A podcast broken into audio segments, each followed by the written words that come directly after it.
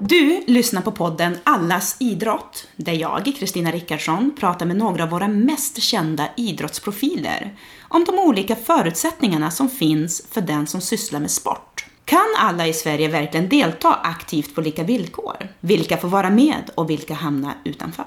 Idag träffar jag Magdalena Forsberg, längdskidåkaren som bytte till skidskytte och bland annat kammade hem den totala världscupen sex gånger i rad, tog sex VM-guld och två OS-brons. Dessutom innehar hon rekordet i antal Jerringspris med hela fyra stycken. Vi pratar om mental träning och att klara av motgångar, men också vikten av att ha personer som stöttar runt omkring och hur man fortsätter hålla motivationen uppe. Jag frågar Magdalena hur det var när hon var liten. Tänkte hon att det skulle bli en sån där framgångsrik karriär?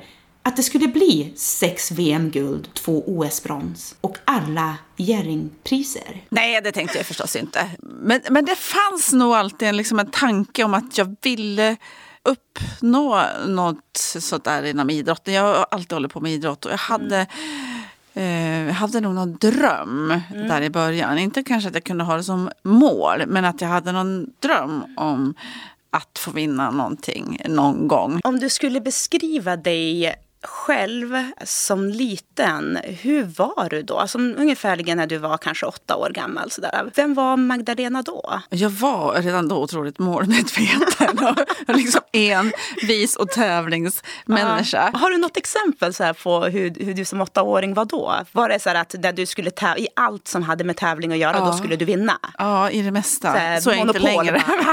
så är jag faktiskt inte längre. Men då så var jag nog mycket så. Vi tävlade ju allt. Vi tävlade mm i att det rinner en bäck över gården, ja. vårt hus. Och den blir ju lite så olika bred på olika sätt. Så där tävlade vi till exempel hoppa över bäcken. Ja. Och gärna mot killarna. Ja, och då vann du. Och då skulle man ju hoppa så, så brett, på bredaste stället helst. Ja. Så där. Och från början så var man ju på smalaste, sen så blev det bredare och bredare. Ibland så ramlade man ju i och så. Tävlades med springa runt huset, ja. eh, hoppa sån studsboll runt huset. Ja. men det var det gick att tävla det tävlades det. Ja. Det låter lite som att, eh, eller jag får den bilden att eh, Magdalena barnet var så lite daredevil ändå. Lite modig redan som liten. Ja, jag var, jag sysslar med rätt så mycket saker som kanske inte alla sysslar med när de har växt upp. Men jag hade ju häst och ja. Eh, det var ju mycket liksom med djur och vi hade djur på gården när jag växte mm. upp. Och innan jag fick häst så, så red jag ju på de här eh, oxarna, tjurarna som jag hade liksom ute i hagen. ja. Och vara ute i skogen och så. Jag var mer så här pojkflicka ja. än en flickflicka. Under den här tiden då, eh, när du bor i Ullånge, heter det va? Ja. Säger jag det rätt nu? Ullånge, ja. Ullånger säger man väl om man bor i Ullånge. Eller Ullånger. eh, som du började både med slalom och längdskidor. Jag höll förstås på med alla idrotter som erbjöds där. eh, det var slalom då, utförsåkning, Skuleberget, mm. eh, längdåkning, friidrott mm. somrarna. Nu blir ju jag nyfiken som gammal friidrottare. Vad gjorde du det då? Förstår jag. Ah. det förstår Den karriären blev ju inte riktigt sådär jättelång. Då, men jag höll fall det blev på. inte min heller. Så att... Okay, ja. eh, orientering så är det. Och så gymnastik fanns det ju, så här barngymnastik och lite sånt. Och eh, vad gjorde jag? Men så hade jag häst. Och så spelade jag lite fotboll också. Men du gjorde allt? Ja, men allt som, ja. som dök upp, kom i min väg, skulle ju liksom testas ja. och uh, hållas på med. Och sen höll ju alla kompisarna också på med mycket. Då blir det ju att man också tas med i det. Hur var dina föräldrar i det här? Var de stöttande i det eller var det mer att de pushade dig åt att att, välja något eller med skidor? Eller? Nej, men mina föräldrar har ju, höll också när de var unga på med, mm. med idrott och så. Ja. Pappa spelade mycket hockey och fotboll när han växte upp och mamma, på den tiden så, hon är född på alltså 40 41 och då höll väl kanske inte kvinnor på så mycket att tävla. definitivt inte fotboll och hockey så mycket men Nej. alltid otroligt idrottsintresserad mm. och eh, så här, friluftsmänniska. Så, så att min mamma var min största eh, supporter mm. och stöttepelare i idrottslivet och hela livet. Mm. Verkligen, jag har aldrig känt att jag inte fått testa på någon sport utan det har varit som, uppmuntrats mm. istället för att Nej, men nu ska du inte börja med något mer. Utan det har hela tiden varit uppmuntran och inget krav. Nej. Verkligen inget krav. Om du inte hade provat flera idrotter, tror du att du hade lättare kunnat sluta? Alltså, förstår du vad jag menar? ja, jo, men det ja. kanske det där att jag fick testa på det jag ville, de idrotter jag ville under uppväxten kanske gjorde också att jag tordes ta beslutet att testa på en ny idrott vid 27 års ålder. Ja, Precis. Som jag då gjorde faktiskt. Eh, så att det var fantastiskt att få en sån uppväxt att bara liksom, ja, hoppa på, välja och vraka ja. egentligen.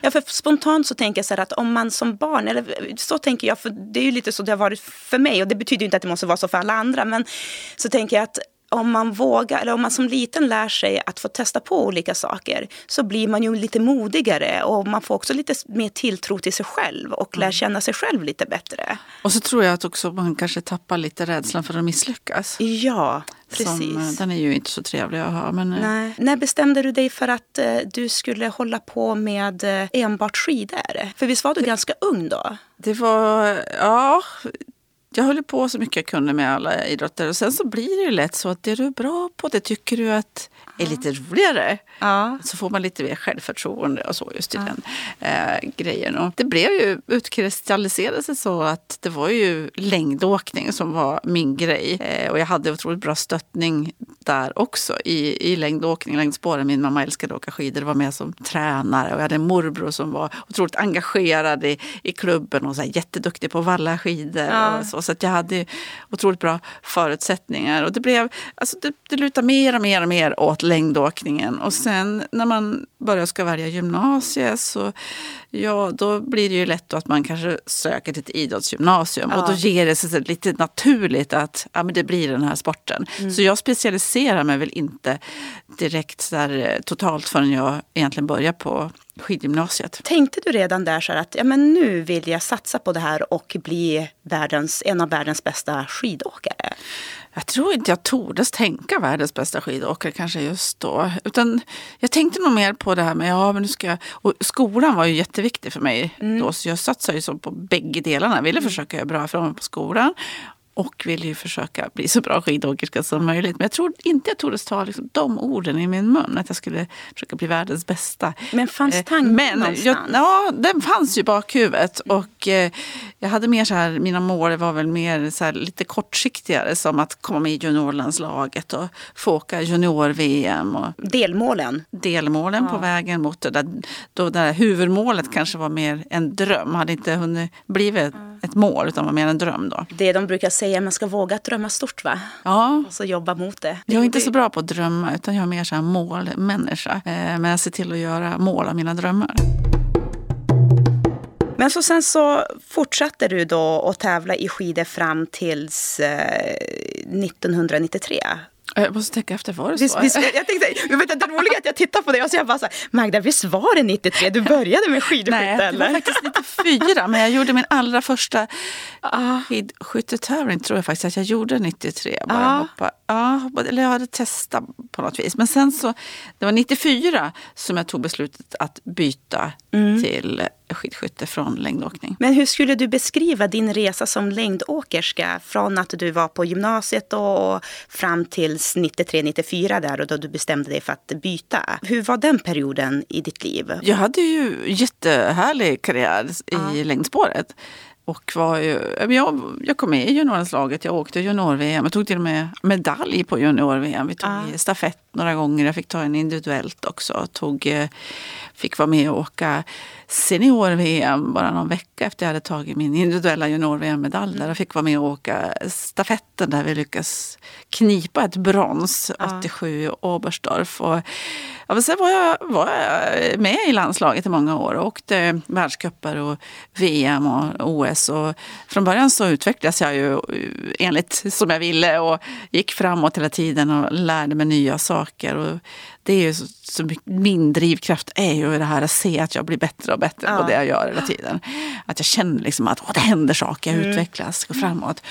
Men sen när jag blev 23-24 så började började utvecklingskurvan och, och plana ut. Och, ja, men jag, vad, jag kände... vad var det som hände då tror du? Var det... Jag vet inte. Äh. Det var väl det att kanske ett, nej, jag, trän, jag, jag borde, träningsinnehållet var väl inte som det borde ha varit uppenbarligen. Äh. så att, jag tyckte ju att jag tränade jättemycket men jag kanske tränade för mycket och lite fel. Kan det också ha varit, en tanke bara, kan det också ha varit så här typ att mentalt att man kände att man utmanas inte lika mycket? Ja, utmaningar var det absolut. Ja. Det var nog inte det utan det var ju snarare mentalt då att jag tappade allt självförtroende. Ja. Tron på mig själv. Helt. Det blev ju till slut att jag stod där en dag och ja, men helt ja, men jag var slut eh, i kroppen och jag hade inget självförtroende och hade tappat glädjen inom idrotten mm. totalt mm. igen. Och jag hade ingen aning om hur jag skulle träna, vad jag skulle göra. För att komma till den där, hitta den här känslan igen, att jag blev bättre på det jag gjorde och mm. utvecklas, gick framåt, lärde mig nya saker. Mm. Det var då som jag då tänkte på den här gången jag hade testat skidskytte och hade tyckt att det var jättekul. trots att jag var jättedålig på att skjuta. Eh, och tänkte att ja, men, jag hade ingen aning om hur jag skulle träna då för att bli en bättre längdåkerska. Men så tänkte jag att skytte då, hur svårt kan det vara? Jag är värdelös att skjuta idag. Men alltså det där är så himla roligt att man, att man tänker så här, hur svårt kan det vara? För det, ja. det, det, låter ju så enkelt när du säger det. Så här. Men alltså jag, tror att, jag tror att eh, många eller flera skulle nog också säga, men gud hur ska jag våga prova något nytt? Det här är ju det jag kan, det här är ju det jag är bra på. Ja. Va, äh, men det, det rädslan att faktiskt prova något nytt. Så här. Det, det modigaste jag har gjort i mitt liv det är att jag gjorde det där att jag bytte sport ja. när jag var 27 år gammal. Det var ju eh, verkligen modigt av mig. Jag är jättestolt över att jag gjorde det. för att jag kände liksom för mig själv att jag måste göra en förändring för att nå eh, mina mål och det här jag eh, drivs av. Det här känna att jag lär mig nya saker och utvecklas. Ja. Uh, och just jag tänkte, hur svårt kan det vara? Det är bara att skjuta 10 000 skott så blir jag en bättre skytt än ja. idag när jag skjuter 100. Uh, svårare så kan det väl inte vara. Ja. Så att när jag då bytte sport, så då var ju inte målet jag såg framför mig var ju inte att bli världsmästare då, just när jag tog det här beslutet. Utan målet för mig då, det var att hitta den här känslan igen. Ja. Att jag lärde mig nya saker och utvecklas och eh, att jag skulle hitta glädjen. Det var det som var målet. Och sen så, så kom ju det andra eftersom. Fick jag ju anledning att höja målsättningen. Men eh, målet var inte att vinna en massa guld eller Jerrypris. jag tycker att det är så roligt att du säger så här, men hur svårt kan det vara? Alltså skytte är ju inte enkelt. Jag, jag kan skjuta, det är mycket för att jag har en, en far som är älg, eh, som jagar då på, ja. på hösten. Så att sen jag kom till Sverige, jag var åtta, så har jag ju följt med och fått skjuta med pappa. Då, så, här, så att jag har fått lära mig att skjuta lite grann. Inte på din nivå, långt ifrån. Men hur svårt kan det vara? Mm. Jo, men jag och en kompis var ju och sköt och efter att, vad kan min vän har skjutit ja, men, hundra skott kanske. Så här. Och till slut så sa jag ju det till henne. Jag bara, du, alltså, statistiskt sett så borde du åtminstone ha hittat av tavlan, om inte annat av misstag. Du vet, så av ren tur eller slump. Det är ju inte så enkelt. Och då gjorde vi ju det när vi bara låg helt stilla och satt stilla. Jag tänker så här, som gammal friidrottare, eh, 400 meter och också åkt skidor upp i vinden. Alltså när man kommer andfådd och ska få ner pulsen och sikta och hitta av. Alltså det måste ju vara så fruktansvärt svårt. Ja, det är därför det är en egen sport. Okej, okay, nu var det ja. lite så här, ja det där var ju en liten dum fråga som du ställde Nej, nu. Vet du vad, den där frågan har jag ju fått tusen gånger va? Massor med gånger. Ja. Och jag ska vara ärlig, så här, under karriären mm. när jag var uppe i det så förstod jag inte riktigt frågan. Vadå liksom? men, men idag så förstår jag den, för det har ju gått några år. Och nu känner jag liksom, när jag ska då prova eller ja. köra någon jippo-tävling eller någonting så känner jag ju av svårigheter. Men det man tränar på blir man ju som bekant bra på. Och vi tränar ju så himla mycket på just det där att kunna skjuta med belastning, komma in med hög belastning och kunna mm. skjuta. Och sen det är ju en speciell eh, teknik när du ska trycka av eller krama av avtryckaren. Och, eh, du, många tror att man ska där, stå där och hålla andan. Ja, liksom. nej, nej, tänker jag Ja, står man där så håller man andan och så inväntar man tills man ska, till slut så har man ju slut på luft. Och, ja, typ ja, och så darrar man liksom för man är så spänd och så. Utan det är en speciell teknik det där som eh, jag lärde mig. Och man skjuter ju i, egentligen i ett andningsstopp som kommer när du, när du liksom andas ut all luft så har du fortfarande ganska mycket kvar i, i lungorna. Och i det andningsstoppet ska ju helst skottet komma.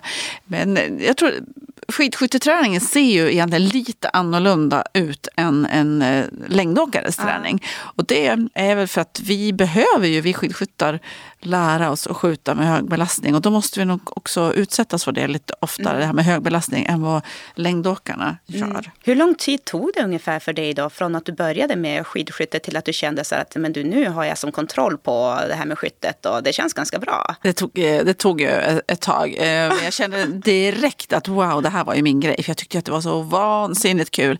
Och jag lärde mig någonting ah. varje dag första ah. året så lärde jag mig någonting. Det var ju en otrolig känsla. Och jag kände väl ganska snart att alltså, det här är min grej. Det, mm. det, jag kände att jag hade talang för det. Det visste mm. jag ju inte. Men jag kände rätt snart att, att uh, det här uh, kanske är det som passar mig perfekt. Det är fantastiskt att få hitta det som passar en perfekt ja. vid 27 års ålder. Men jag tänker att det är så många som försöker hela livet ja, och aldrig jag, finner det. Nej, jag, jag, jag är vilsen fortfarande. du, kan du mentalt guida mig här? Va? Det här låter ju bra, typ en föreläsare som åker runt och, och, och, och, och guidar vilsen själv.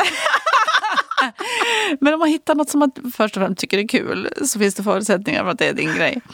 Men eh, det tog eh, som sagt inte lång tid innan jag kände att det här är min grej. Men sen innan jag hittade säkerheten och tryggheten när jag kom in på skjutvallen i tävlingssammanhang. Det tog lite längre mm. tid. Jag minns första tävlingen när jag åkte där. Så, så åkte man ju i början in med lite sån där rädsla in på skjutvallen. Kanske lite prestationsångest. Men jag lärde mig väldigt fort att träffa. Sen är det en sak att träffa, en annan att träffa och göra det fort också. Mm. För tiden går ju hela ja. tiden.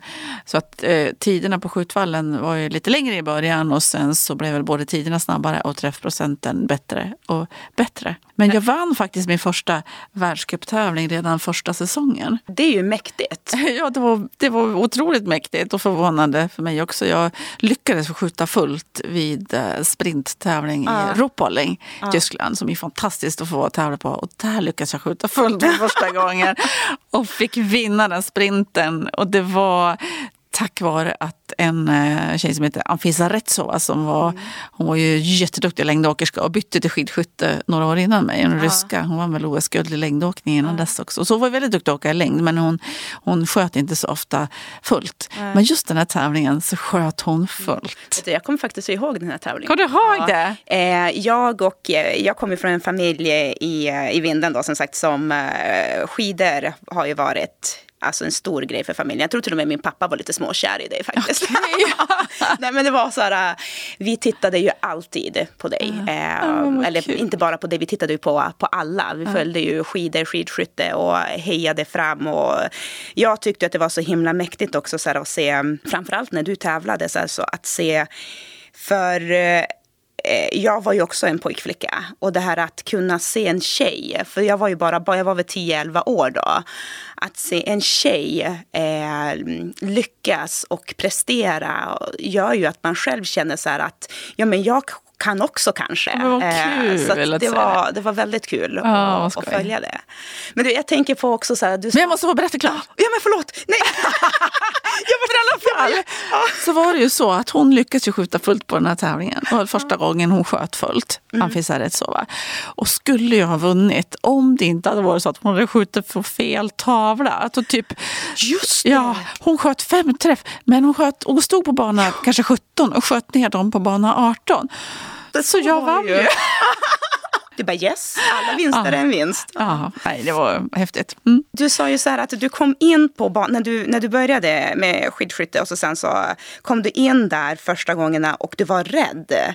Hur hanterade du den rädslan då? För jag menar att vara rädd när man gör någonting är ju inte alltid eh, det, bästa optimala. driv, nej, det optimala nej. eller bästa drivkraften. Rädsla kan ju vara en bra drivkraft mm. ibland. Men... Det var, det var, jag kommer så väl ihåg mina första världscuplopp där jag närmade mig skjutvallen och, och kände den där, lite rädsla. Men försöka låta glädjen ändå ta över, för glädje är också en stark känsla. Ja.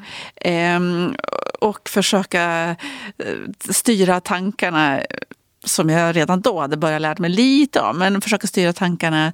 Inte att och nu måste jag skjuta bra, utan mer så här in här och så gör, gör jag allt enligt mina rutiner och nu ska jag visa vad jag kan. Mm. Lite mer sådana tankar. Men kunde du stänga av då i de stunderna? Kunde du stänga av omvärlden? Det är kamera på mig, folk sitter där hemma och tittar på mig och bara fokusera. För att jag har ju försökt ibland att stänga av det yttre. Eh, ibland har jag försökt meditera och plötsligt så sitter jag där och, bara, och så börjar jag tänka att men du stängde jag av spisen, har jag gjort det, alltså ska jag göra det där och så typ oj vad tycker de där om, om det här? Och så kan jag som inte stänga av. Hur gör man för att stänga av det där? Ja, jag var verkligen bara där och då. Jag tänkte inte ofta på det där att det var direktsänt hemma i svensk tv. Och det var bara jag på startlinjen från Sverige. Jag har ju, Känn ingen press. Nej, jag har ju väldigt... Eh, det hade varit lätt gjort att börja tänka sådana tankar. Mm. Men jag tänkte aldrig det, utan jag var väldigt i min bubbla. Jag var väldigt eh, stark på det där och då. Idag är jag sämre på det. Då är jag mer, som du säger här nu, ja, ja. gjorde jag det jag gjorde. eh, jag, ja, men då var jag verkligen i bubblan när jag mm. tävlade. Jag gick in i den där bubblan tio minuter, en kvart, kvart mm. innan start. Jag gjorde nog egentligen en timme innan start redan, då mm. inskjutningen började. För då började min tävling egentligen mm. rent mentalt. Men sen eh, sista kvarten innan start, när man kom in i follan där innan startlinjen, så då var jag verkligen så här okontaktbar. Sen ja. var jag i den där bubblan hela loppet. Men det är klart, vissa, vissa tävlingar eh, så, så funkar det inte, klarar man inte riktigt. Och pressen kanske var extra stor och sådär. Om det var att jag läste eller att jag hörde någonstans att du har sagt att under den här tiden när du var som bäst och tävlade, att du aldrig, eller försökte i alla fall, aldrig följa vad pressen sa och vad de skrev. Och, eh, tror du att det också hjälpte till att hålla det här, att kunna vara i din egen bubbla? Det tror jag absolut var en eh, stor bidragande orsak. Jag tog tidigt det beslutet att eh, verkligen ja, men inte läsa om mig varför, varför gjorde du det? Jag, tänker så att det skulle nog vara, jag kan tänka mig att det skulle vara ganska svårt för väldigt många att fatta ett sånt beslut. Jag, jag släppte ju en bok ehm, för några år sedan och så blev det ju lite så media ut i världen. Det har varit väldigt svårt för mig att inte läsa vad folk har skrivit fast jag vet att ibland ska, vore det bäst för mig om jag inte gjorde det. Men på den tiden, vet du, det här var ju slutet på 90, början på 2000-talet, ja. så hade ju inte jag min telefon i fickan när jag kunde gå ut och läsa tidningar eller eh, kolla sociala medier och sådär. Så då var det ju inte lika svårt. Nej. Idag är det nog eh, mycket, mycket, mycket svårare. Idag ja. tror jag jag skulle ha svårt för att klara det. Tror du att det beslutet att, eh, som du tog att, inte, att, inte, att försöka att inte läsa eller följa med vad media säger om dig. Eh, tror du att det beslutet gjorde att du kunde vara med dig själv? Eller fanns det en rädsla att du kanske skulle typ börja tänka som media skrev om dig? Eller? Ja, det var, jag, en av anledningarna var det att eh, oftast när det skrivs något så, så du läser om dig själv, det har du säkert varit med om tusen gånger också, att du kanske blir citerad på någonting mm. eller står någonting som mm. det där stämmer ju inte. Nej. Oh, så blir man irriterad, slösar massa energi på det. Ja som jag inte har råd att slösa bort för jag behöver ju den energin ja. för att eh, liksom, orka träna och tävla och fokusera på det jag ska göra. Så det var en, den största anledningen egentligen. Ja. Att jag vill inte hålla på att distraheras och behöva, att det skulle kosta mig en massa energi. Det behöver inte vara stora eh, grejer. Det kan vara en liten, liten grej som ja. man gör att man blir irriterad. Nej, jag håller, nej, men jag håller och som kanske inte är viktig för någon annan. Men just för dig själv så känner du att nej, det, nej, det känns inte bra. Så det var huvudanledningen. Och sen också att även om det bara står positivt om dig så håller du bara på och läser då en massa om dig så kan du tro till att du är någon annan än ja. själv. Just att få någon annan men, bild av dig själv. Precis. Eh, så det var också en anledning. Ja, men vi är ju som en produkt av vad vi själva tror om oss själva och vad alla andra gör oss till. Så ja, ja, det var ganska Jag smart tyckte det var, det var enklast att låta bli att läsa. Och eh, det gjorde väl också, jag kunde hålla mig enklare i min, min bubbla. Mm och kanske också lägga på mig mindre press. Under den här tiden så jag tror jag att de flesta känner ju till Wolfgang, din tränare. Mm. så han fick ju lite olika smeknamn också. Men eh, jag tänker så här, från första stunden du träffade honom, vad var din känsla? Nej, då tyckte jag, och jag kommer så väl ihåg första träningslägret vi hade tillsammans i Dala-Järna. Vad är det här för galning? Varför tänkte du det? Vad gjorde han då som gjorde Nej, men, han, ju, men han är ju lite galen, men med positiva förtecken. Ja. Jag älskar Wolfgang.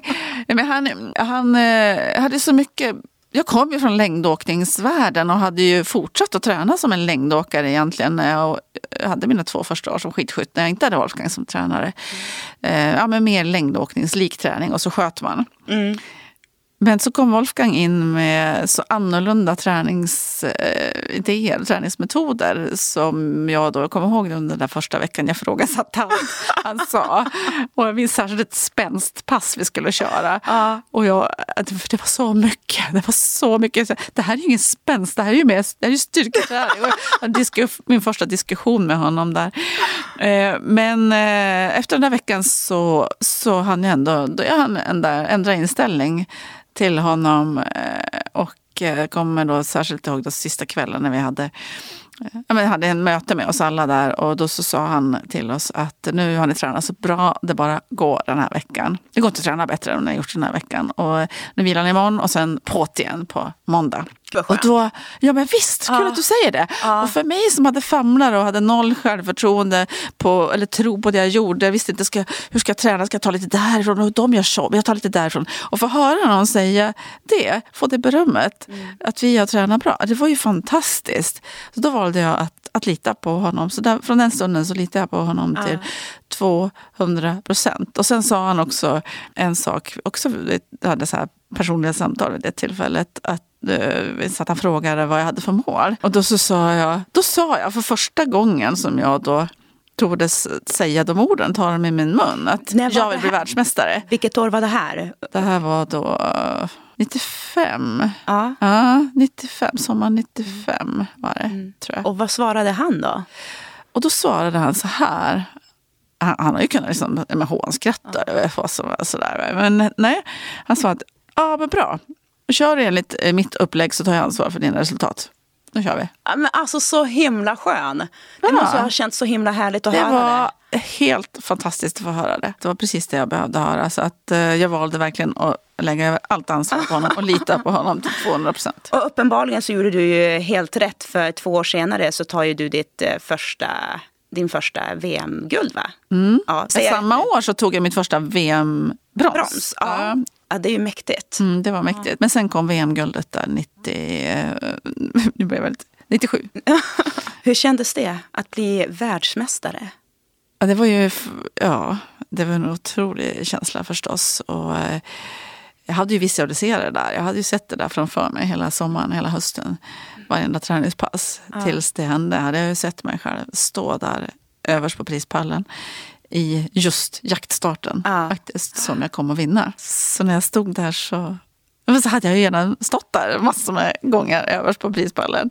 Och då kändes liksom hemtamt. Men jag kommer ihåg när jag stod där direkt efter målgång, där blomsterceremonin, mm. så ställde jag mig själv frågan i mitt eget huvud. Var det här värt allt slit? Ja, så gud. Och jag kom direkt fram till svaret att det var det. Men vad men, och var känslan också, var känslan som du hade tänkt dig? För det är ju en sak, så här, är det värt det? Mm. Ja, det är värt det. Men känslan? Ja, men du vet när du har lyckats, det behöver ju inte vara att du vunnit ett VM-guld. Själva känslan. Ebba, jo det måste vara ett VM-guld. Ja, men, men, men, jag kan säga, själva känslan när man har lyckats, ja. sådär, lyckats med någonting. Den är så likadan när du vinner ditt första SM-guld eller mm. ditt första DM. Jag kommer ihåg när jag vann mitt första distriktsmästerskap. Den där bubblande lyckokänslan när man bara kände bara så, så nöjd. Den är ju väldigt lika. Den här känslan när, nej men så det här var... är det verkligen? Jag tänkte säga ett VM-guld och ett DM-guld. Alltså, ja, men jag skulle säga att det är väldigt lika. Ja. Det, det, finns ju du är ju så lycklig det bara går att bli över din prestation när du har vunnit. Kanske, du blev distriktsmästare första gången och du är 11 år eller 12 år. Ja. Och samma är det när du blir världsmästare första gången när du är 27 eller 26 som jag då var. Liksom. Så, så det finns ju en gräns för lyckan också. och du slår ju taket bägge gångarna. Ja. Liksom. när man då har vunnit första VM-guldet, tagit Mm. andra, tredje, fjärde. Alltså, Det är ganska enkelt. Ja, eller, eller hur? Är det det? Eh, och vi kan i alla fall säga så här, du tycker att det är enkelt, vi andra tycker att det är en väldigt stor prestation. Nej men enkelt är det ju inte. Men, men man är mindre komplicerat att ta det första. Ja. Det första är ju kanske det enklaste. För det kanske inte är någon som har förväntat sig av det att du ska klara det. Så kan du bara liksom kliva in och göra det utan att någon har inte ens krävt det, för ibland krävs det ju också att du gör saker och ting. Nej, men första, andra, tredje, ja det kanske är enkelt. Men sen när man ska börja motivera sig för fjärde, och femte och sjätte gången när man redan har stått på den där prispallen och, Ja. och vet hur det är och känt känslan och känt att ja, men det är ju ungefär som, som när jag vinner första DM-guldet eller Ja. första SM-guldet. Eh, Men att ha den där hungern fortsatt, det är ju utmaningen. Och Ja, varje hur- dag gå ut och göra det bästa. För det är det man behöver göra. Varje träningspass liksom med full insats så bra man bara kan det. Det är ju svårt om du börjar bli mätt. Ja, och det här jag blir djupt imponerad. För som du säger, första, andra, tredje, då är det fortfarande kul och sånt där.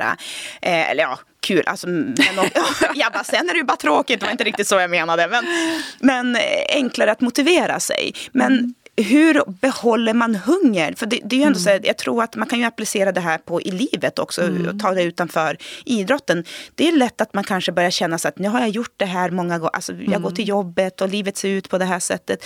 Hur hittar man motivation och hunger till att vilja fortsätta att prestera? Och speciellt då när man håller på med samma sak och redan har skördat frukten flera gånger. Och det går inte att komma högre heller än vad du då hade gjort. Hur, människan? Ja, jag minns att jag, eh, jag imponerades väldigt av eh, sådana som Pernilla Wiberg, Björn Dählie och sådana som jag tyckte hade vunnit liksom allt. Och så fortsatte de att att köra på och var lika hungriga i alla fall, trots att de hade problem med skador och så. Ja, men det är ju det där, om man drivs av att utvecklas så är det en, en sak som man kan ta sikte på. Att försöka utveckla sig och så små detaljer och så hela tiden. Om det inte då är det där kanske mästerskapet i februari som får en att brinna. Jag hade sista säsongen jag tävlade så, dels är det den här grejen att hela tiden efter varje prestation ta ner sig på noll igen och börja bygga upp. Men jag hade då, var näst sista året som jag tävlade tror jag. Som jag, jag började träna då där. I första maj började jag alltid köra. Det var det två pass om dagen från, från, från dag ett. Liksom.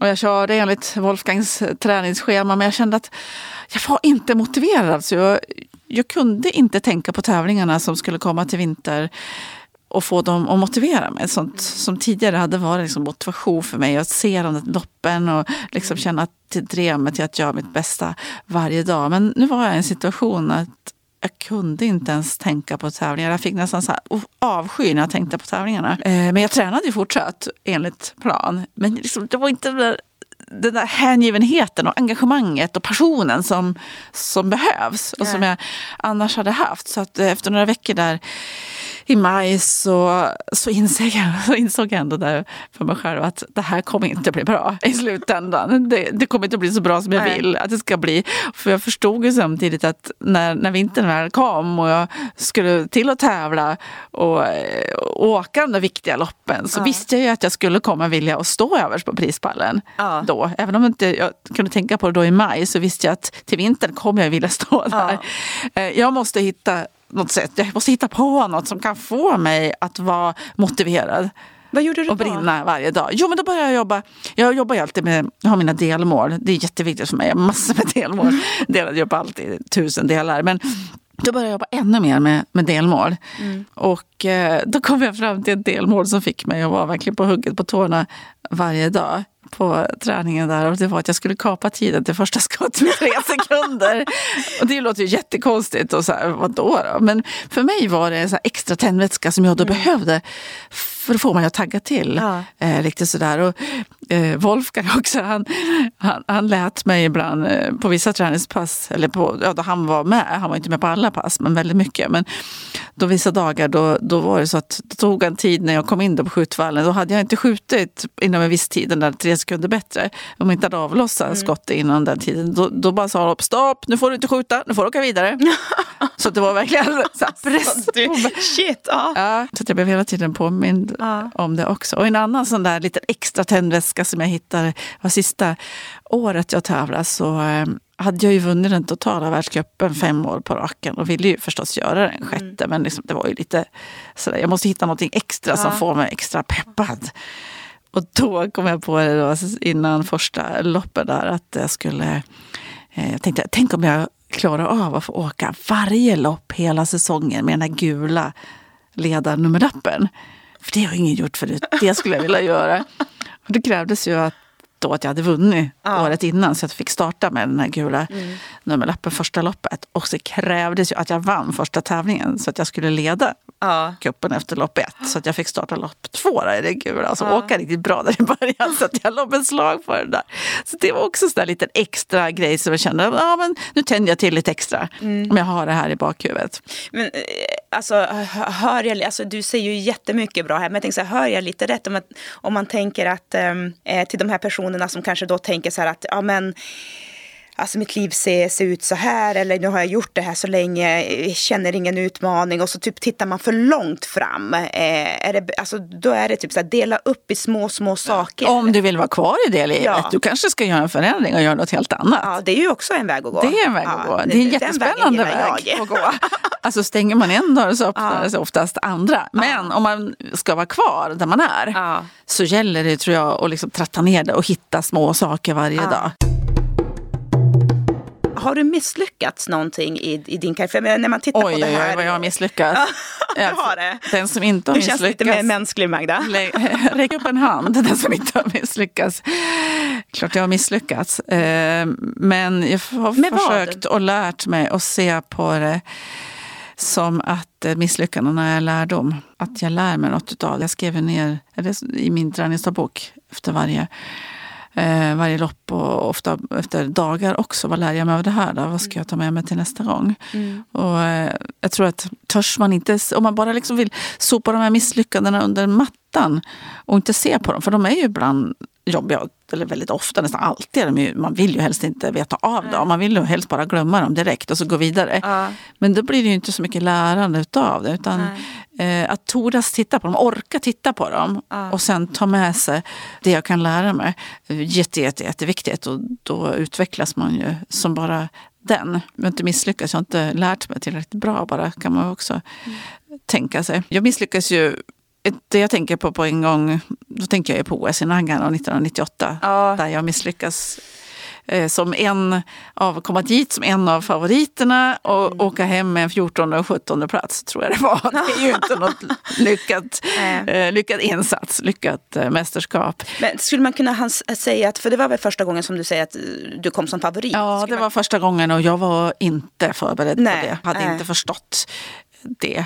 Och Eh, jag lärde mig så mycket av det där misslyckandet. Ja. Verkligen. Men handlade det om att du inte kunde hantera pressen utifrån eller pressen från dig själv eller bara så att det handlade mer om att nej men jag kommer som favorit så vet du vad, det, medaljen är redan klar. Nej, det var, var den inte. Nej. Verkligen inte. Det var det att jag lyckades inte hantera pressen. Varken från mig själv eller utifrån. Ja. Och eh, jag eh, misslyckades. Första loppet så, så hade vi, vi hade vi lyckades, vi hade ett fantastiskt vallateam och, som lyckades typ nästan jämt. Men det var otroligt svåra förhållanden den första tävlingsdagen och vräkte ner snö. Och jag kommer ihåg att skidorna gick så dåligt. Och jag var ju en sån, jag ville aldrig skylla ifrån mig på annat, på material. Aldrig. Jag ville aldrig tänka att det är det och det felet. För jag Nej. tänkte då lär jag mig ingenting. Jag måste titta till mig själv. Ja. Vad kan jag göra annorlunda till nästa gång för att det här ska bli bra? Så att jag, jag talade om för mig själv efter det loppet att jag är så dålig. Sämst form, sämst när det gäller. Och bara, jag började göra något som jag inte annars gjorde. Jag började älta det här misslyckandet. Och klanka ner på det själv. Klanka ner på mig själv, älta misslyckandet. Och hade helt glömt det här sättet som jag då brukar jobba med. Att jag utvärderar. Och det, ja, men vad ska jag tänka på till nästa gång? Vad lär jag mig av det här? Då? Och så sen gå börja jobba uppifrån noll igen. Liksom, mot nästa uppgift. Nej, jag bara helt tappade. Och bara älta det här misslyckandet ända till nästa tävling. Och eh, då är det inte sådär jättebra förutsättningar för att man ska lyckas i nästa tävling Nej. heller. Då. Så då misslyckades jag igen. Jag hade försökt och jag, alltså jag tappade helt självförtroendet. Ja. Tron på mig själv. Helt, det kan man ju tappa verkligen på Men en visst sekund. var du i bra form? Jag var jättebra form. Ja. ja. jag var i jättebra form. Men jag förstörde för mig själv. Ja. Och bara tänkte negativt och ältade i de här tre dagarna som var mellan första och andra tävlingen. Och eh, ändå sista, alltså kvällen innan eh, det här andra loppet, det var bara två individuella tävlingar för oss skidskyttar då ja. på den tiden. Och då hörde jag ändå, då kom, hörde jag vad Wolfgang sa. Jag försökte prata med mig flera dagar men jag hade inte hört vad han sa. Det, kan inte ta in det. Men då tog jag in det och jag kommer så väl ihåg att han sa att Magdalena, nu måste du ta dig samman här. Kommer ångra dig i resten av ditt liv om du inte gör det. Så jag försökte då bara ladda. Jag insåg liksom mitt fel och försökte bara ladda, ladda, ladda, ladda igen. Och, eh, stod där på startlinjen eh, på sprinttävlingen ja. nästa dag. Åkte första varvet och sköt första skjutningen och sköt fullt. Ja. Och kom in sen i delad ledning eh, till den sista skjutningen som är stående. Då. Och stå och ska skjuta mitt första skott. Och det kändes bra. Och krama av avtryckaren och var helt säker på att det, men det, blir, det blir träff. Och så blev det en bom.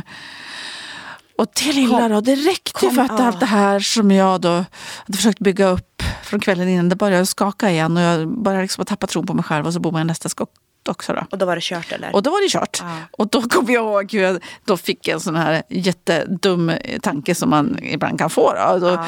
Snilleblixt som kommer på en hundradels sekund. Ja, ja, ja, som ja. kommer där. Och så, sen försvinner den lika snabbt. Men tanken då den var att nu ska de minsann få se där hemma hur svårt det här är. Kommer jag ihåg att jag tänkte. För det var ju som kört visste jag. Så då sköt jag tredje skottet också med vilje. På sidan om, fattar du? Ja. Jag aldrig hört uh, hänt förr eller senare, nej, men då men gjorde alltså, jag det. Det var helt galet. borta. Ja, och det är ju galet också så att det kan, att det kan gå så bra. Tills, alltså att det, krävs, det krävs så lite för att det mentalt skulle tippa. Och så sen också så att, att gå också från den, inte bara att det går från att det går bra till att det börjar gå lite dåligt och man mentalt är där, till att man blir självdestruktiv och till och med sätter den med flit ja. vid sidan av. Ja. Då, är, då har man ju kommit långt ner i spiralen. Då är man väldigt långt ner. Ja. jag bara, det här kanske, jag bara poängterar. Tack för förklaringen.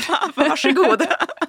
Nej, men då tänker jag så här, vad, vad var du säger ju det att men nu ska ni där hemma få se hur svårt det här är. Mm. Vad är det du tänker på? Alltså, vad, var det, så här, vad var det svåra? Ja, men det här med skyttet, ja. att, och att prestera, att det, det, det, ja, det var inte lätt. Jag var ju inte vid mina sinnens fulla bedrifter. då, liksom.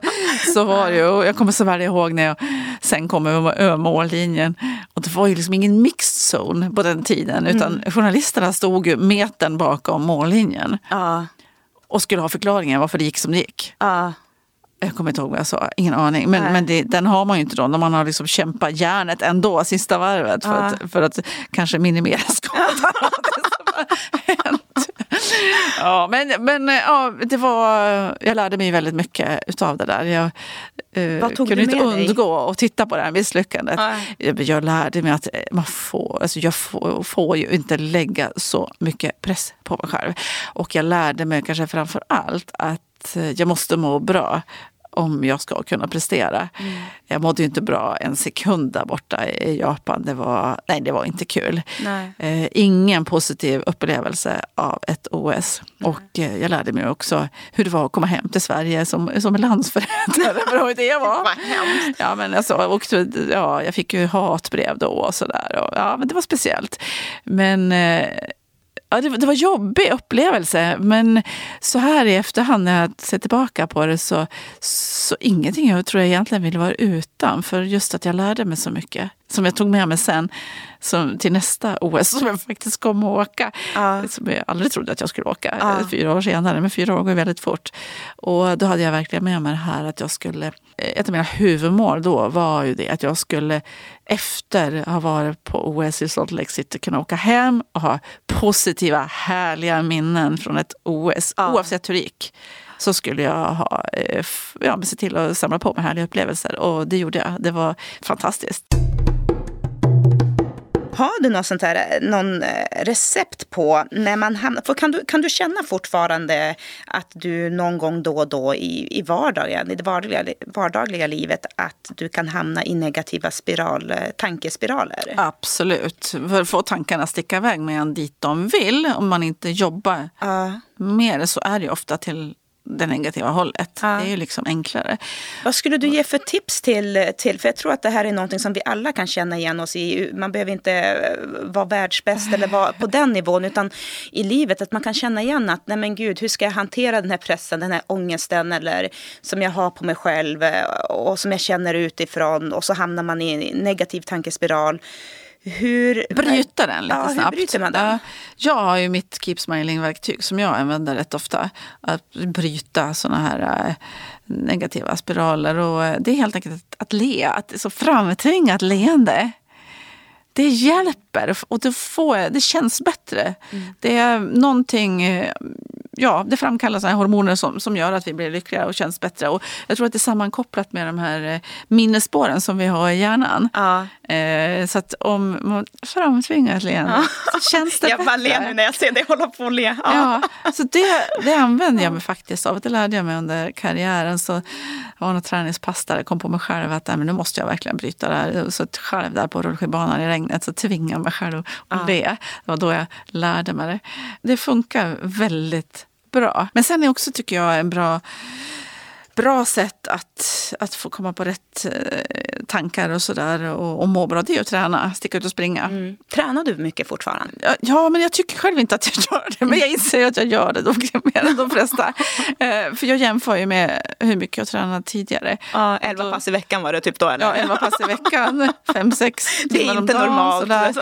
Nej, men det var ju onormalt. Och nu tränar jag kanske mindre på en hel vecka än jag gjorde på en dag förut. Men det kanske ändå är mer än många andra gör. Men jag tränar ju, jag har ju liksom ingen mål med min träning att jag ska prestera något idag, utan det är bara för att jag ska må bra. Ja. Men jag mår ju inte bra mentalt om inte jag får träna. Nej, endorfinerna behövs. Ja, och min man kan ju säga till mig ibland, liksom, stick ut och spring. så att det blir lite trevligt. Här, lilla piken där. Då kör jag det. Ja. Vad tränar du då när du är ute och tränar? Jag tycker att eh, det ska vara enkelt. Mm. Det är viktigt för mig. Och jag, eh, visst, jag lägger tid på min träning, men inte hur mycket tid som helst. Det ska vara enkelt, det ska vara effektivt. Så jag springer mycket, för då tar jag på mig skorna hemma innanför dörren och så börjar mitt träningspass när jag kliver ut genom dörren. Då springer jag bara. Älskar att springa. Och gärna upp på berg. Ja. Det är som min grej. Se någon, komma upp, liksom, ha ett mål och så se, få en utsikt. Ja, det är fantastiskt. Så det gör jag. Men på, på vintrarna naturligtvis åker jag skidor så mycket jag kan. Jag bor precis vid skidspåret. Så där tar jag också på mig skidorna utanför dörren. Det är en lyx. Sen du- cyklar jag mountainbike en del också. Gud vad kul. Och sen har jag börjat och kört eh, styrketräning. Ja, med, med andra ord, du gör allt igen då. Det är tillbaka Ja. till, eh, till yngre Magdalena. Så här bara, shut out. Jag kör bara allt som kul. dyker upp. Ja, men just det, att det är kul. Bara, Åh, vad ska vi... eh, oftast tränar jag själv, men jag tycker det är jättekul de gånger jag får sällskap. Så är det superkul. Tar du- Springa och surra. Tar du med dig barnen ofta och far iväg och tränar? Eller? Nej, det gör jag inte. De gillar inte att träna med mig. Eh, Men- varför då, ställer Ja. jag mig frågan då. Nej. Nej, men vi gör mycket. Vi är ändå fysiskt aktiva. Så vi gör utflykter, hajkar och så går upp, går upp på berg och sådär. Det gör vi tillsammans. Men sen har ju de sina, sina träningar. Så De idrottar. Ja, fotboll mest. Fotboll mest. Och innebandy också på den yngsta. Ja. Hur, tänker, hur tänker du kring, för det är två söner du har, eller hur? Ja. Mm. Känner du så här att eh, pushar du dem eller pressar du dem eller, eh, till att, eh, till att ja, träna? Eller om de skulle säga, nej men jag vill inte hålla på med träning mamma, det, det är ingenting för mig. Har, de har sagt det på ett sätt vad det gäller skidåkning. Ja. Den äldsta var jag väl mest ihärdig med och försökte liksom få honom att vara med på skidträningen när han var liten. Då. Eh, Det, jag märkte att han tyckte inte att det var särskilt kul. Så. Och sen kom det ju en kväll när vi skulle iväg där och han lägger sig ner på hallgolvet iklädd sina skidkläder och gråter. och så mamma måste jag vara med på den här skitträningen. Ja! Det var inte skidträning utan det var skitträningen. Eh, och då så kände jag väl att nej, det behöver du inte. Ja, men gud vad, gud vad skönt, vad fint. Du behöver verkligen inte vara med på den här träningen. Men jag vill att du ska lära dig att ja. åka skidor. Det hör liksom lite till allmänbildningen om man bor i Norrland. Ja, jo, men det gör det absolut. Det var det första typ, jag lärde mig så fort det blev snö i Sverige. Så ja. såhär, ut på skidor, såg ut som Bambi på halis. eh, men alla norrlänningar kan väl åka skidor, eller? Ja, inte riktigt. Men jag tycker liksom allt man kan lära sig när man mm. växer upp är ju fantastiskt att ha med sig sen när man är vuxen. Så ja. Jag tänker som så att eh, får de lära sig åka skidor nu, de, när de kanske kommer på sen när de är vet jag, 35 att de ska åka Vasaloppet, så här, kommer de vara glada att mamma har lärt dem åka skidor. ja, men det, vi har ju alltid nytta av allt vi lär oss. Precis, det, så det tänker jag. Och sen är det ju så med barn också. Barn eh, har ju så lätt för att lära sig. Man mm. pratar om den här motoriska guldåldern. Så att jag, ja. men det gäller att försöka lära sig så mycket man kan. Sen behöver det inte vara på elitnivå eller ja. pusha och pressa. Liksom. Men passa på att lära sig allt man kan. Tycker du så att, eh, att det är många föräldrar där ute som pushar sina barn eh, för mycket när det kommer till träning? Eller ska man pusha dem mer? Eller hur, hur tänker du kring det? Men jag ska säga, I min närhet så ska jag inte, ser jag inte det mycket. Nej. Det ska jag inte säga att jag gör. Nej. Men ja, man hör ju och ser ju diskussionerna ute i samhället om att det är mycket ja. sånt. Och eh, det kan man ju säga på håll förstås. Men, men ja, vi ska inte, man kan inte tvinga någon att göra någonting som den inte vill. Det kommer ju slutresultatet inte att bli så himla bra ändå. De kommer ju förmodligen inte hålla på så länge heller. återigen, alltså, man måste försöka hitta glädjen i det man gör. Sen, sen, är det ju inte alltid kul, det ska jag inte säga att min träning var heller. Och jag älskade inte alltid att gå på skidträningen när jag växte upp heller. Det fanns väl dagar när jag kanske inte hade någon lust, men då var jag glad ja. att min mamma kanske gav den lite extra pushen liksom, ja. och fick mig iväg på den där skidträningen. Jag är jätteglad för det idag. Ja. Eh, hade hon bara låtit mig stanna hemma nu Eh, då hade, hon visste ju att jag hade väldigt, jag ville ju liksom vara med och vinna också. Och ja. visste att jag var lite tävlingsmänniska så att jag behövde liksom också träna ja. för att, att, kunna få göra det. Så att lite grann så här push, men inte, inte en krav. Men lite att man får hjälp, push på ett hjälpande sätt. Ja. Kan man säga. Det, det, tycker jag ändå är helt okej. Okay. Ja, man kanske inte alltid heller, det, det, kanske finns ett tillfällen då de säger att nej men jag vill inte träna. Då man faktiskt ska säga jo men du ska på träningen. Mm, men så det brukar jag vara noga med. Har man ingen särskild anledning till. Utan ja. kanske bara latmasken som hoppar in där. Så, ja. så det är ju bra för barn att röra på sig. Precis. Mår ju inte dåligt av det. Jag läste någonstans att egentligen så var det eh, att du hade sagt att, det inte, att du egentligen inte tyckte så himla mycket om att träna. Det var mer att vinna som ja, var... Tävla ja. var min grej. Och då tänker jag så att du har ju ändå spenderat eh, otroligt många år av ditt liv med att göra någonting som du egentligen inte kanske tyckte var så himla kul. Eh, så, om jag förstod det rätt då. Att, men, mm. men samtidigt som blev väldigt kul att vinna då. Mm. Så du fick som ta det ena med det andra. Viljan att vinna är inte alls lika viktig som viljan att förbereda sig för att vinna. Men jag kunde ja. ändå förbereda mig för att vinna. Jag var beredd att göra jobbet fast det inte var så jättekul alla dagar. Och det gör ju all skillnad, tänker jag, för att mm. faktiskt lyckas med allt man tar sig an i livet. Mm. Nej, men, men, så det, det är ju inte lätt alla dagar. Eh, men var det så, jag tror det var Martin Lidberg som har sagt att eh, kul på träning, tråkigt på tävling. träning, kul på tävling. Men det, det, det, är ju jobbigt att träna. Det tar ju emot. Ja. Det är inte skoj alla dagar. Nej. Men som sagt, så är det ju i livet eh, med genom allt. allt. Ja. Om vi bara ska glida omkring på en räkmacka hela tiden och allt ska vara kul hela tiden så... Nej, men Nej, nej. Och, det, och det skulle inte vara kul heller. Det är ungefärligen, jag tänker jag mig så att om vi skulle gå omkring som, en, som människor och vara lyckliga hela tiden. Precis. Ja, men då skulle vi inte känna oss lyckliga jag inte längre. Uppskatta. Nej, för, för då skulle det inte längre vara lycka. För att, och för att känna lycka så måste man ju också känna motsatsen mm. till det för att kunna uppskatta det. Precis. Tänker jag. Så mm. Men sen låter det som att jag bara tyckte det var pest och pina. Nej men så var det ju inte. Det, så tog jag det. som individuell idrottare så, så du presterar ju och det du lyckas med, det, då får du skörda frukten. Men det du misslyckas med får du ju också stå för. Lite där. Men jag tänker mig för att ta sig så här långt så krävs det ju att man har människor som tror på en mm. och som finns där för en. Om du skulle nämna de tre viktigaste personerna under, eller fyra då, eh, tre, fyra eh, viktigaste personerna som har funnits där för dig och som har banat vägen för att du ska kunna lyckas så här bra mm. som du har lyckats? Vilka mm. är det?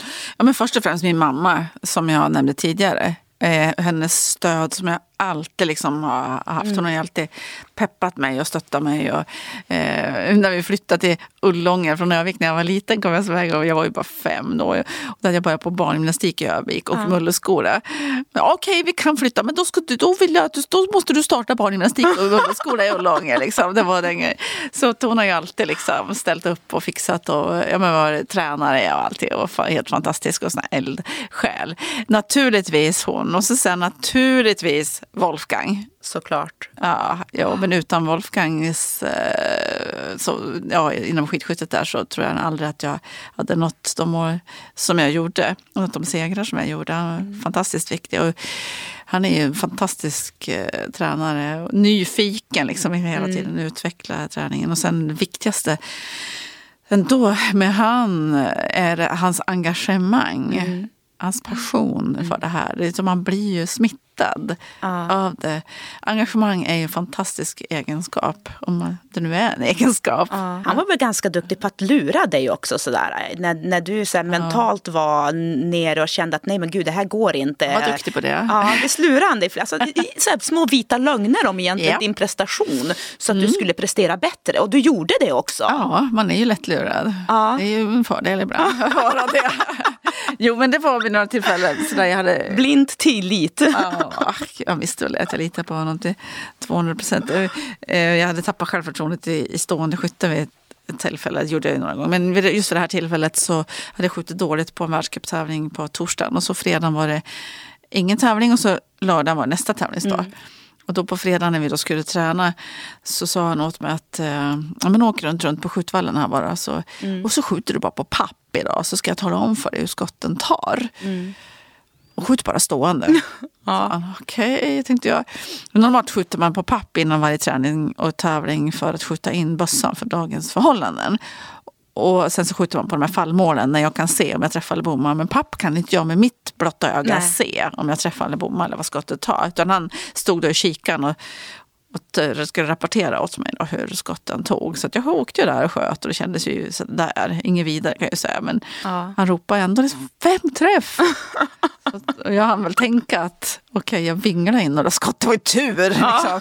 Men ja, men det fortsatte och ja, jag sköt bra. Och, efter ett tag så var det så fem träff mitt i, ropade ja, han och så. Var, shit vad grym jag ja, ja, gud, alltså, Det känns bra det här. Fick tillbaka tron på mig själv. Och dagen efter så var det ju inga problem, sköt hur bra som helst, vann tävlingen. Och så många år senare, efter jag hade slutat karriären, då, vi satt och surrade en kväll jag och Wolfgang, då frågade han om jag minns det här tillfället. Och det gjorde jag ju. Och så avslöjade han att liksom, du sköt så dåligt. du liksom sköt runt hela pricken. Och jag bestämde mig för. Och, och liksom, ge dig annat, annan fel feedback egentligen. Ja. Att lura dig tillbaka till tron på dig själv. Ja. Vilket är ju fantastiskt att man kan göra. Ja. Att det fungerar, att man går på det. Ja, men jag tänker så här, det är lite så placeboeffekt. Alltså, ja. så, här, så länge du alltså, tror så kommer det ju att funka. Allt sitter ju i skallen. Ja, allt sitter i skallen. Tänk att vi har sådana alltså, resurser. Det är, så... det är, helt otroligt. Och det är ju idiotiskt om vi ska hålla på liksom, och tänka de där feltankarna. Faktiskt, vad taskiga vi är mot oss själva. själva Men du, då är det mamma och Wolfgang. De, en eller två personer till då som har banat uh, vägen för dig eller hjälpt dig på vägen? Ja, men, oh, jag måste säga min morbror Ola uh. som alltid ställde upp eh, när jag var yngre då. Uh. och var fantastisk med skidor och utrustning. Han var alltid så positiv också mm. och verkligen klarar det och sådana där saker. Så han är också viktig. Och sen så, ja. Och ähm, ja, men sen så måste jag ju, min man måste jag ju också äh, nämna. Så han får ju han kom in där på fjärde platsen. Fått stått ut med mycket.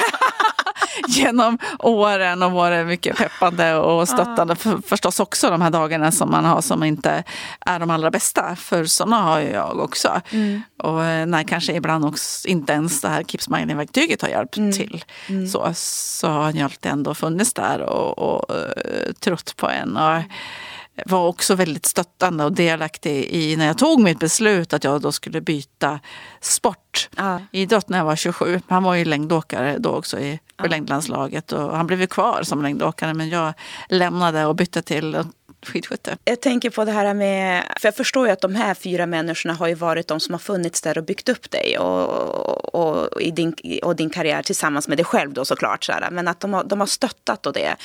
Tycker du att vi är bra på att stötta varandra och bygga upp varandra? Vi kan bli bättre. Och det här med beröm ja. är ju så viktigt och som vi kanske är alldeles för lite utav. Ja. Och alla de här fyra som jag räknar upp nu har ju varit duktiga att ge mig beröm. Ja. Eh, man kan ju bli beroende av beröm kan man tänka. Men, men beröm är, är ju peppande, stöttande och viktigt. Och viktigt för motivationen och för... Mm.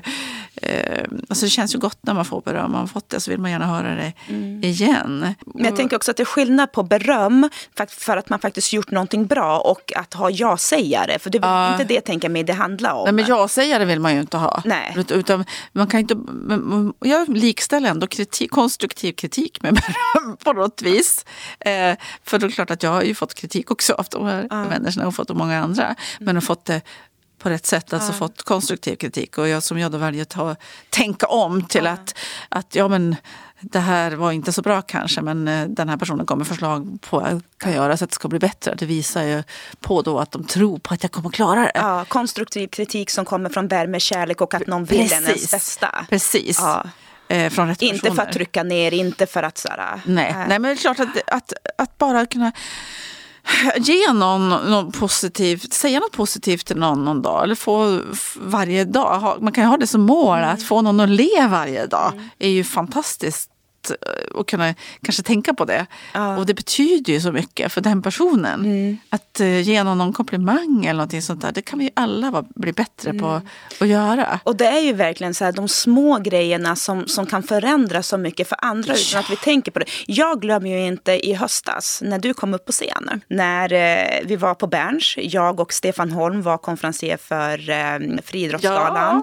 Ja. och jag, jag var ju jättenervös, hade ju skrivit manuset till den här galan galan och, och, och sådär. Och den skulle sändas live också. Och jag kommer ihåg när jag presenterade dig för du skulle dela ut ett pris. Och jag ser när jag vänder mig om så här, Magdalena Forsberg, så jag så vänder mig om och så ser jag dig komma upp för trappen. Och du hade den här snygga svarta byxdressen. Det var. Jag har inte glömt vad du hade på dig. Och så får jag, jag möts av den här personen som ser genuint, alltså väldigt avslappnad, glad. Och det finns en sån energi. Och jag minns bara hur det här bara, bara hit me in the heart. Och så bara boosta.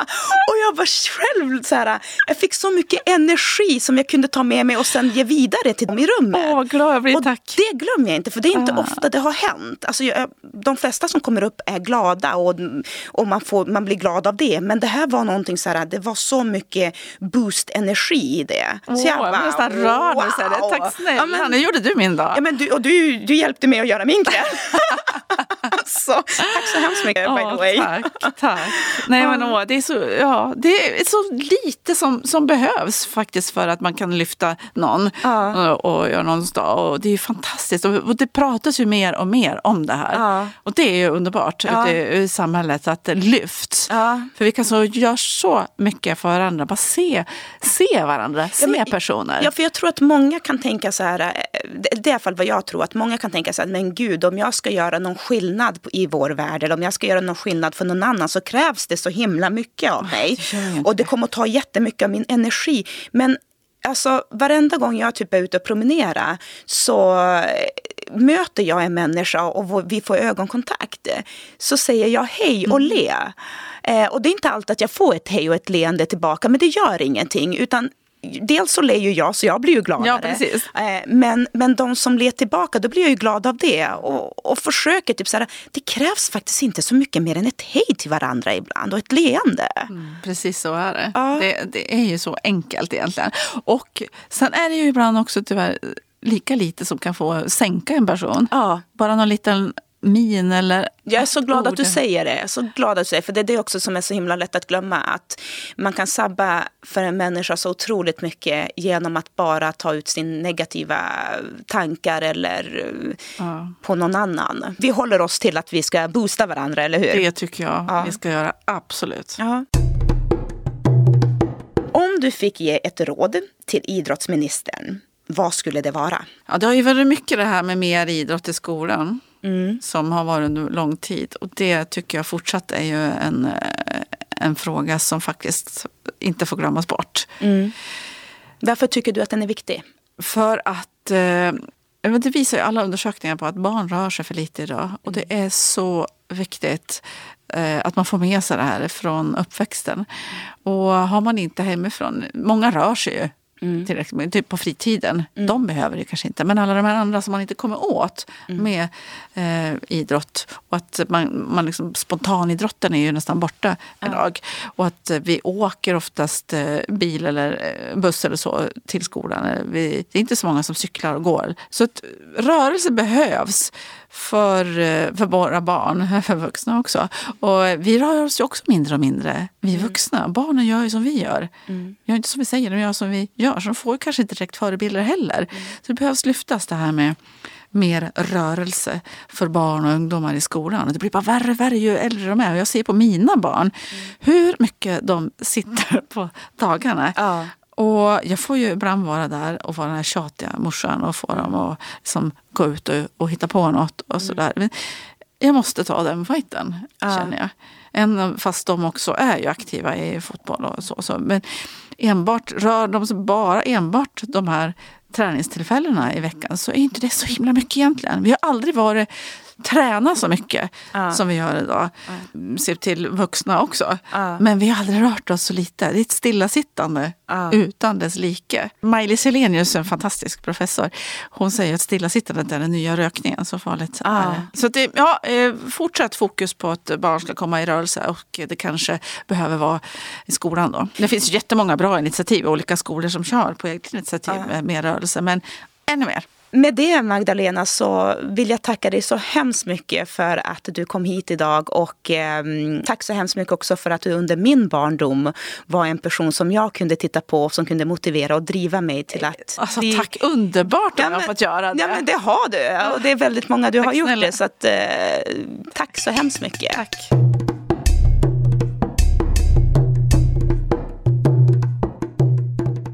Du har lyssnat på en podd från Expressen. Ansvarig utgivare är Klas Granström. Podden Allas idrott görs i samarbete med Folkspel, det ideella spelbolaget som delar ut allt överskott till föreningar och organisationer.